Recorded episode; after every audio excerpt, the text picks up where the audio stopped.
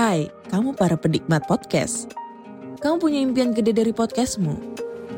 Terus First Story bisa banget bantu kamu.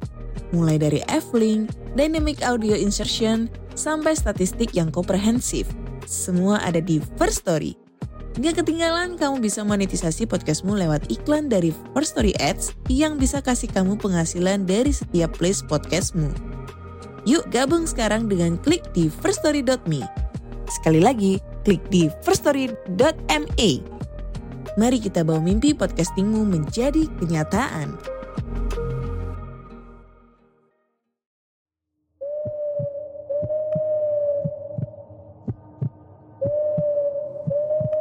Pogo FM, listen on the go.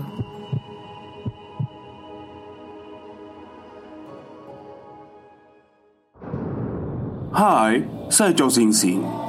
Selamat datang di podcast Horror Night Story. Pasang telinga, buka pikiran, dan biarkan rasa takut merayap di dalam dirimu. Selamat mendengarkan.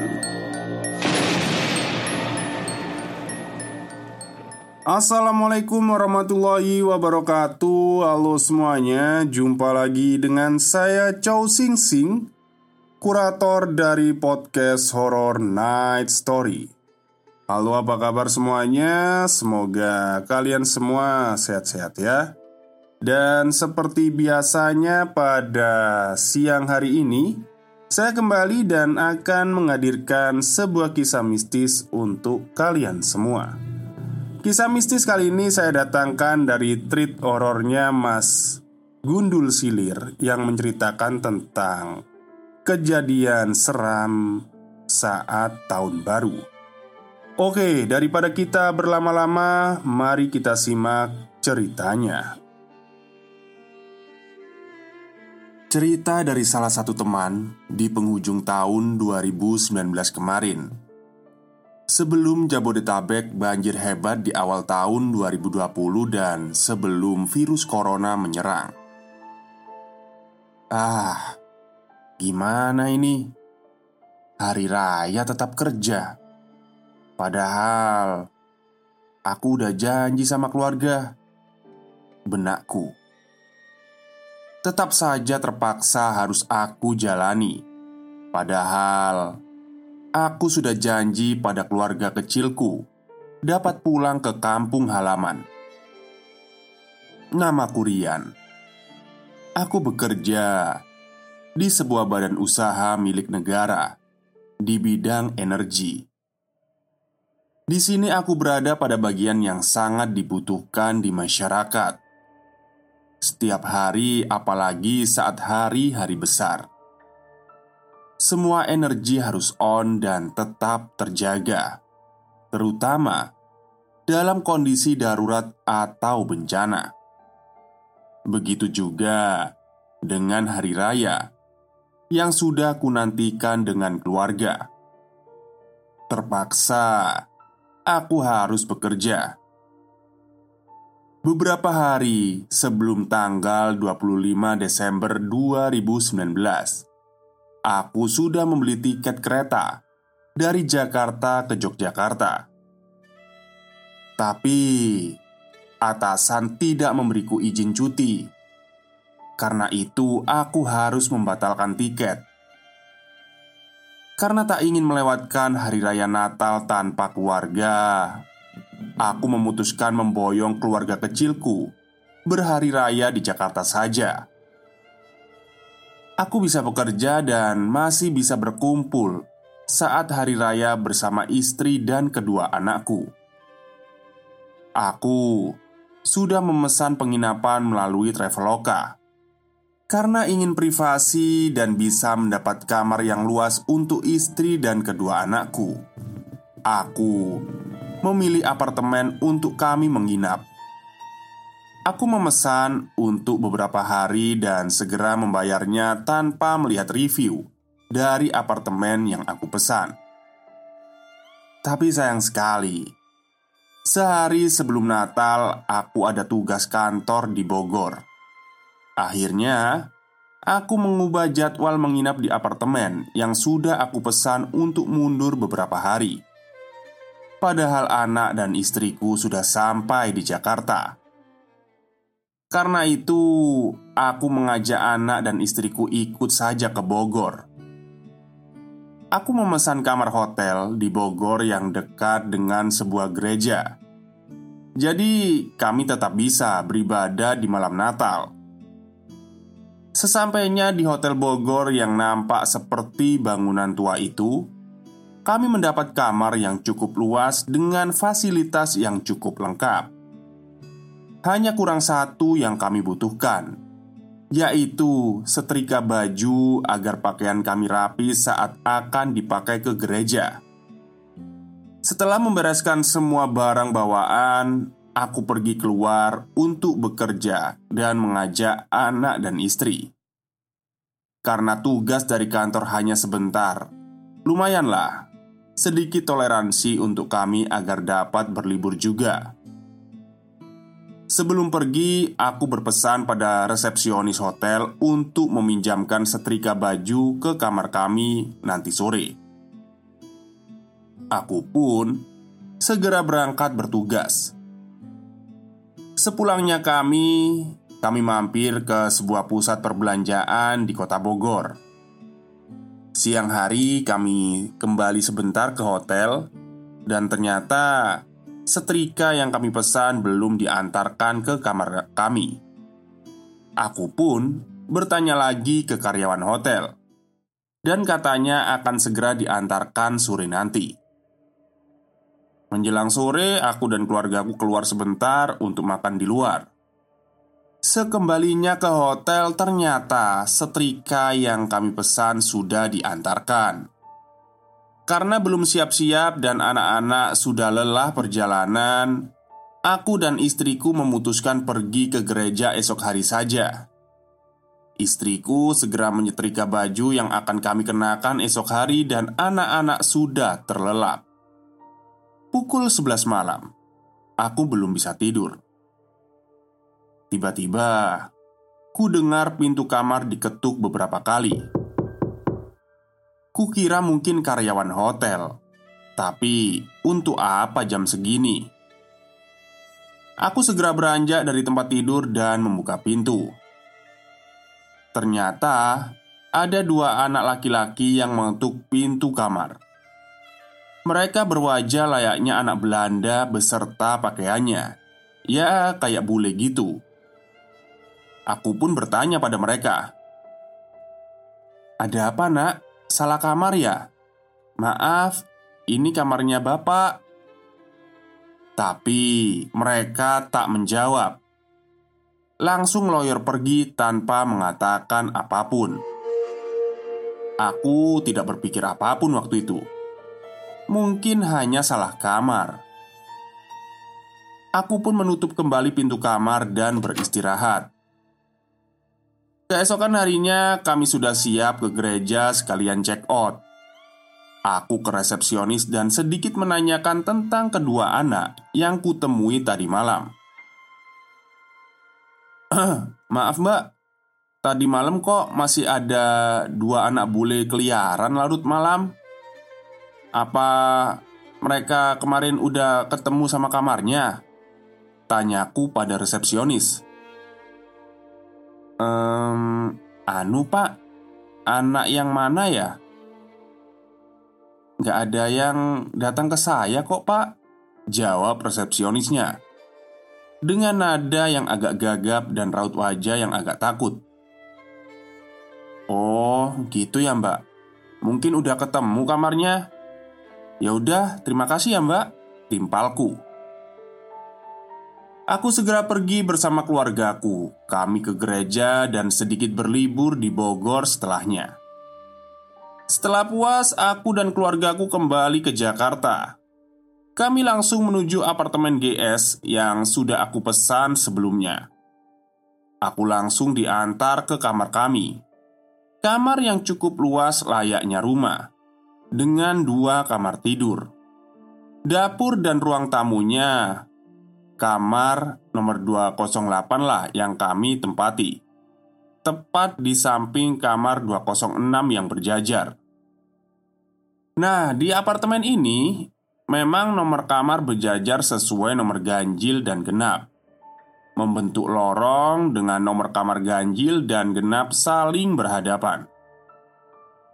Kami segera bersih-bersih dan istirahat karena lelah perjalanan dari Bogor. Keesokan harinya aku juga masih harus pergi ke kantor kembali. Siang ini semuanya normal. Anak-anak masih senang bermain ke sana kemari. Kami juga menikmati hari libur ini, melihat Jakarta dengan hiruk-pikuknya yang tak pernah lelah. Hari sudah malam, bahkan menjelang tengah malam, aku juga tak bisa terlelap. Sudah lihat semua saluran TV, tetap saja. Mataku tidak bisa tidur. Hingga pukul 2 dini hari aku mendengar suara dari kamar sebelah. Kamar nomor 206 Seperti ku dengar Ada sebuah benda digeser. Mungkin meja atau lemari Entahlah Dari suaranya seperti benda berat yang digeser Cukup lama suara itu sampai aku memastikannya dengan menempelkan telingaku dengan dinding yang berbatasan persis dengan tembok kamar 206 itu. Aku cukup heran. Kok ada suara sekeras itu bisa terdengar sampai ke kamar ini? Dan juga saat dini hari begini. Sedang apa orang yang ada di kamar sebelah itu? Dan setauku, kamar apartemen ini kedap suara. Kamar 210 yang bersebelahan dan jelas ada orangnya pun tidak ku dengar suara apa pun dari tadi siang. Aku sih masih berpikir positif.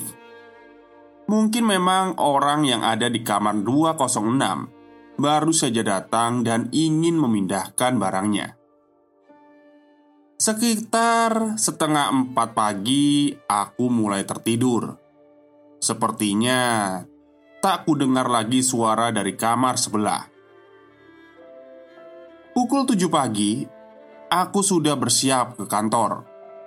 Terpaksa kutinggalkan anak-anak istriku di apartemen. Kususuri jalanan ibu kota yang penuh sesak seperti biasanya. Pekerjaan hari ini cukup lancar dan padat, membuatku tidak bisa pulang tepat waktu.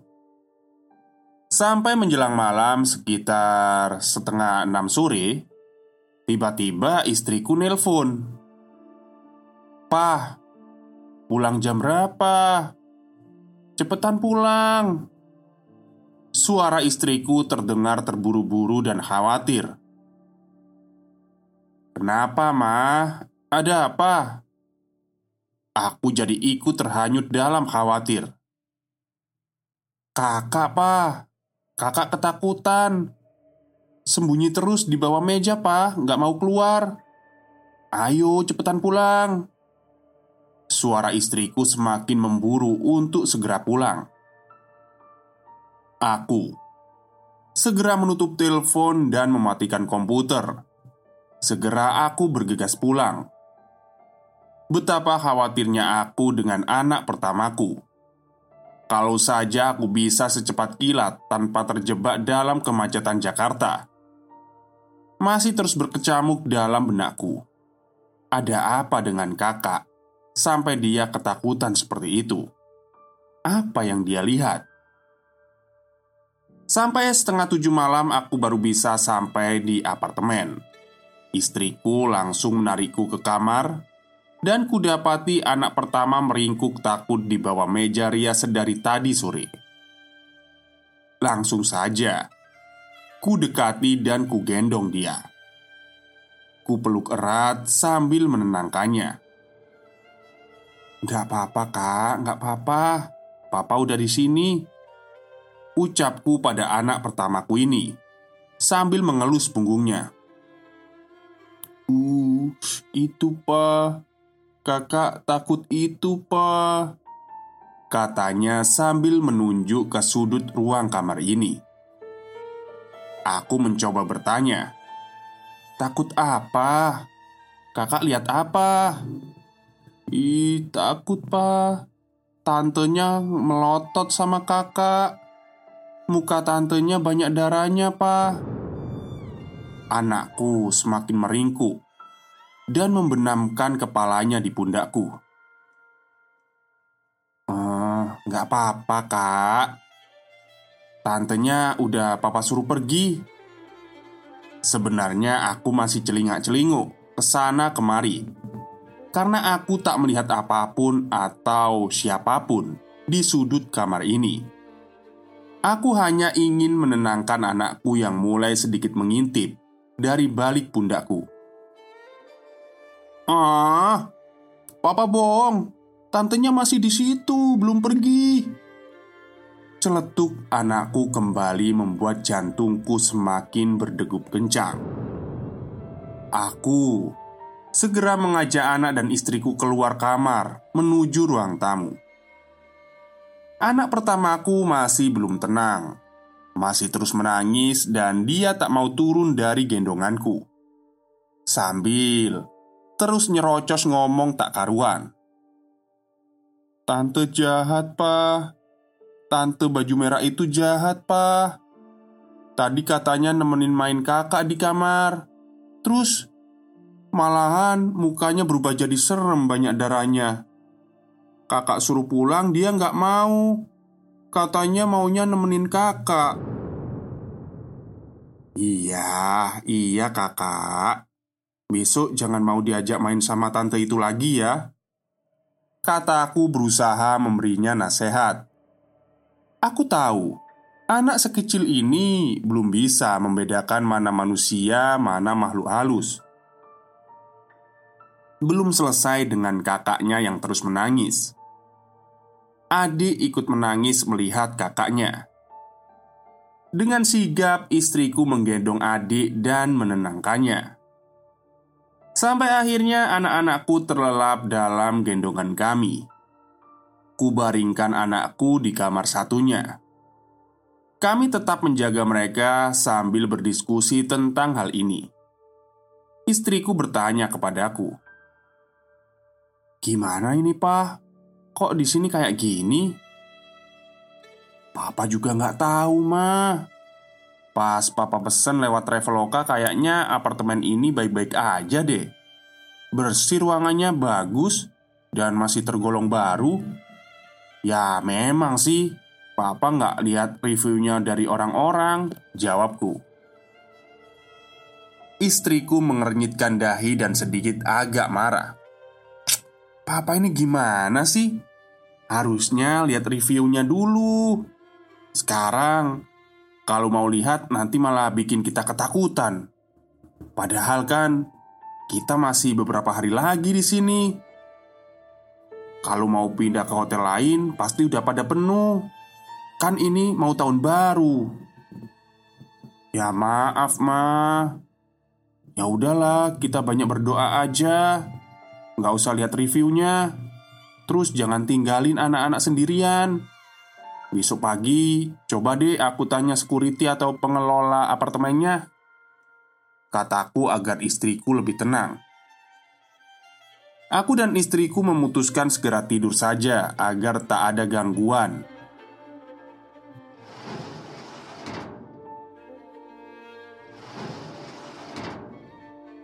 Aku terbangun mendengar suara dari kamar sebelah. Kamar 206.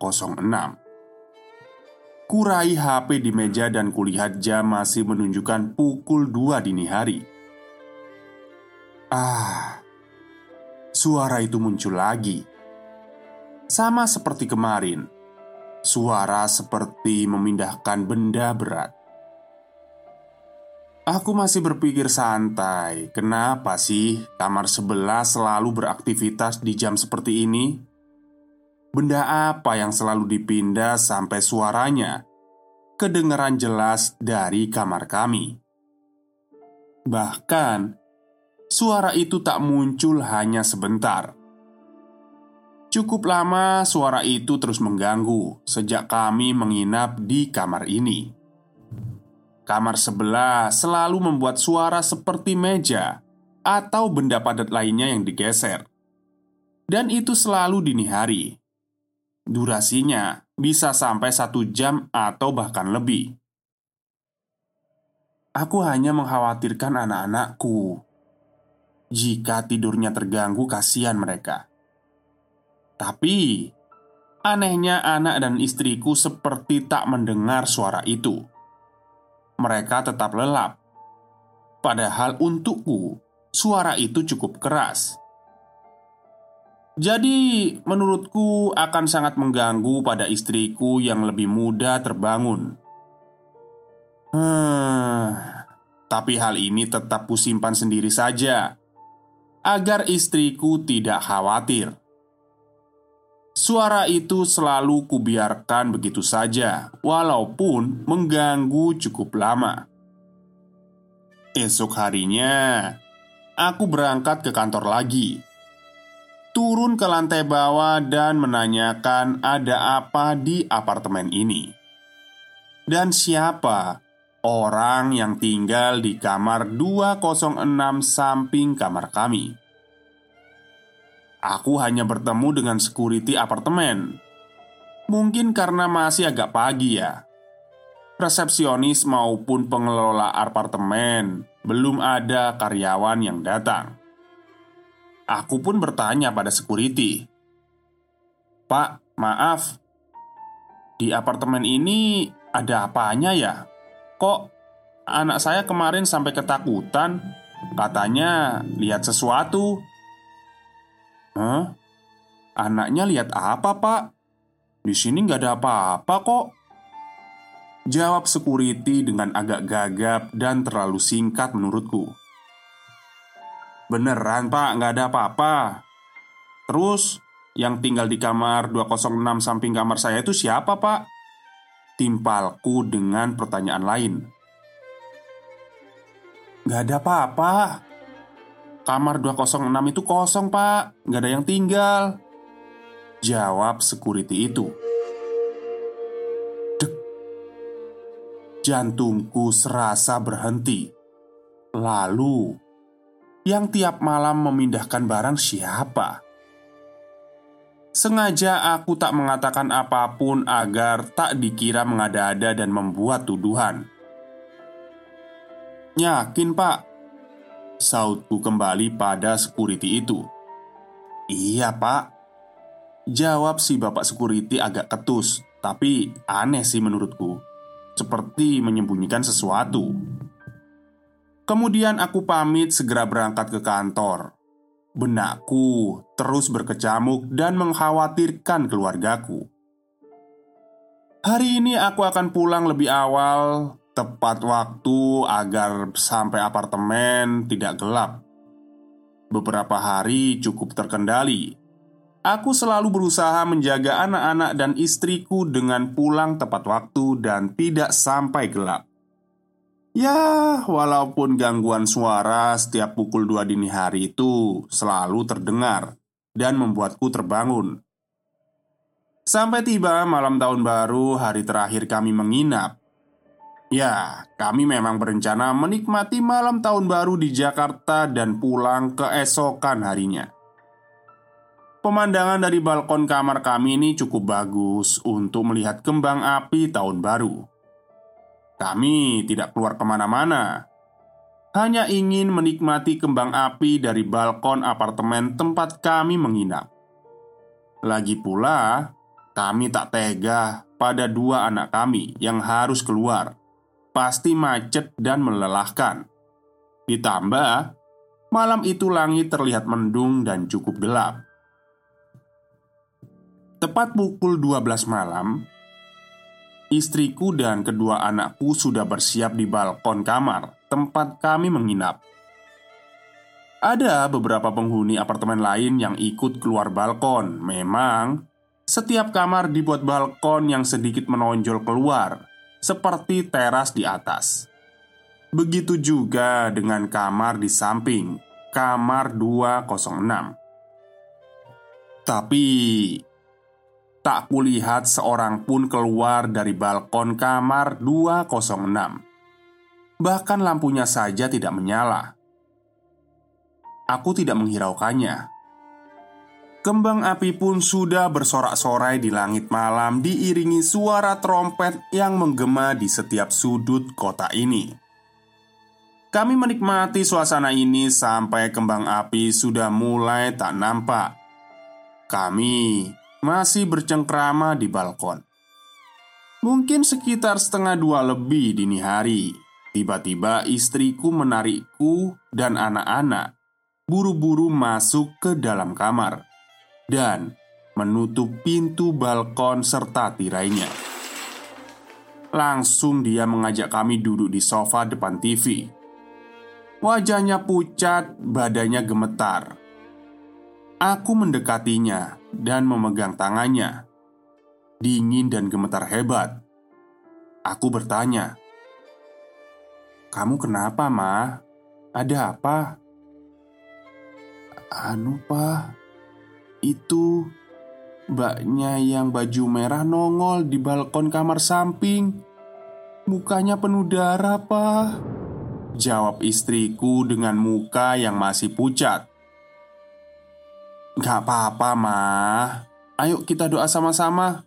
Sautku sambil merangkul istri dan kedua anakku.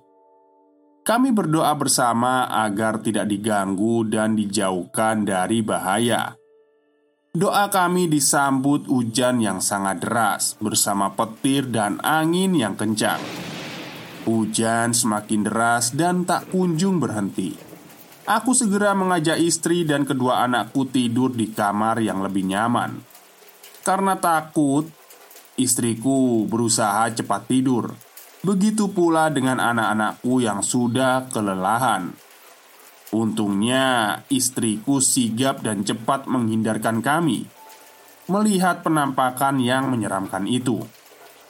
Takutnya, anak-anakku ikut melihat. Pasti mereka akan menangis sejadi-jadinya, dan kami pasti akan kewalahan.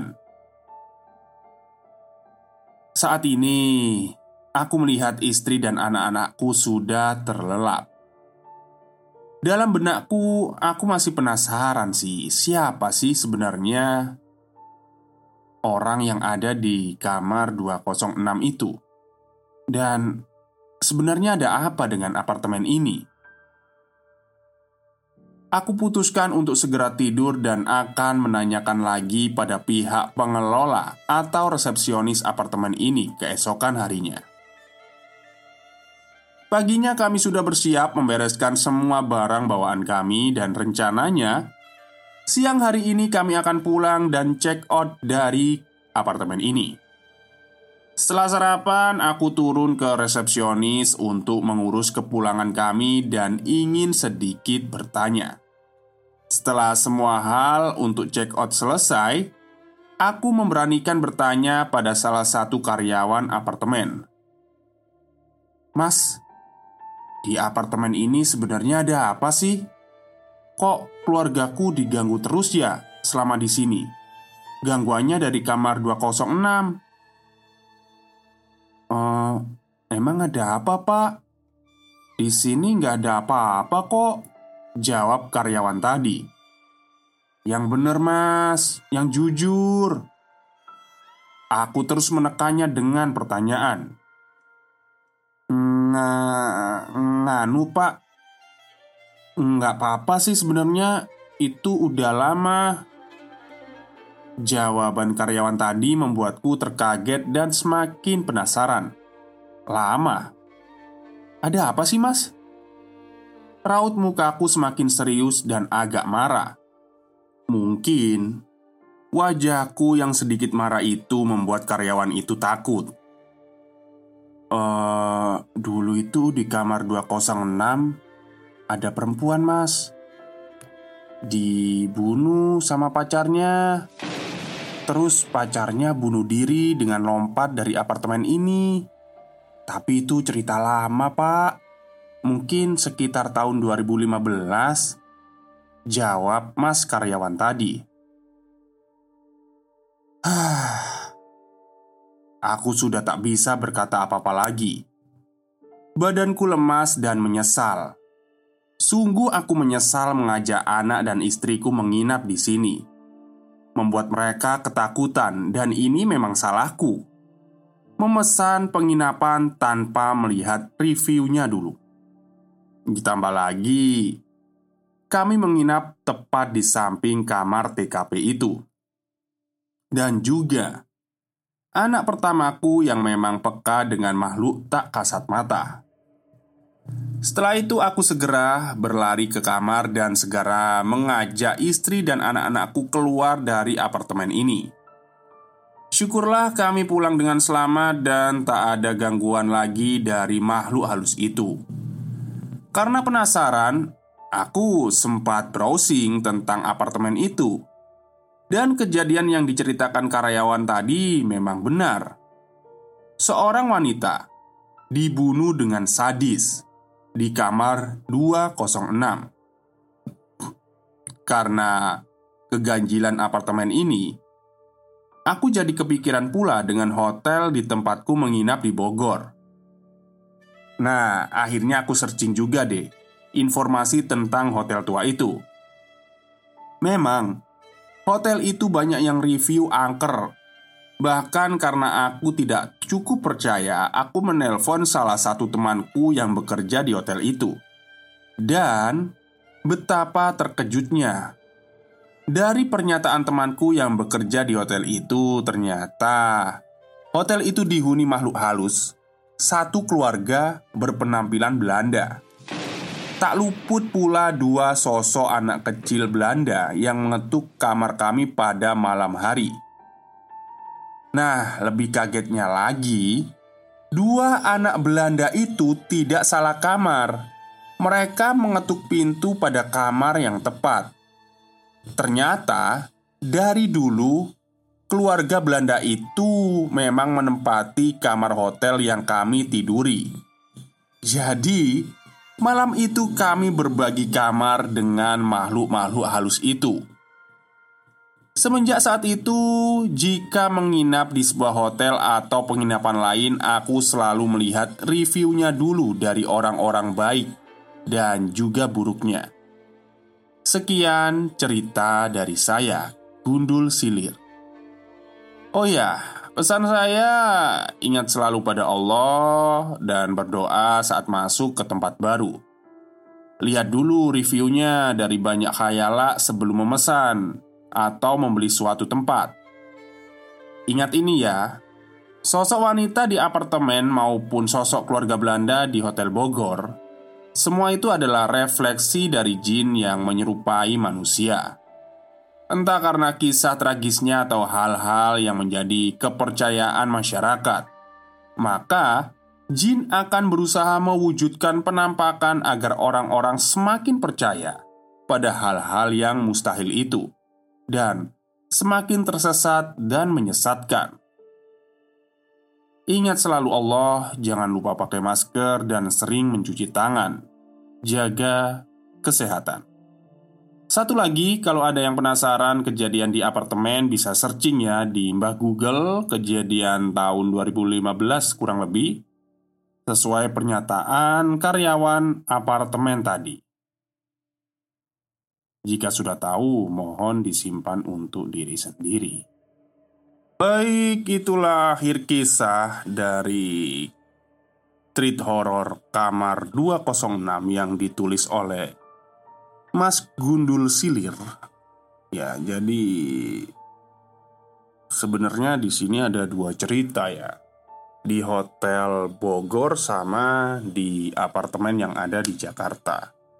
Cuman kan yang lebih lama mereka menginapnya di hotel yang eh di apartemen yang ada di Jakarta. Jadi ya ceritanya di situ ya.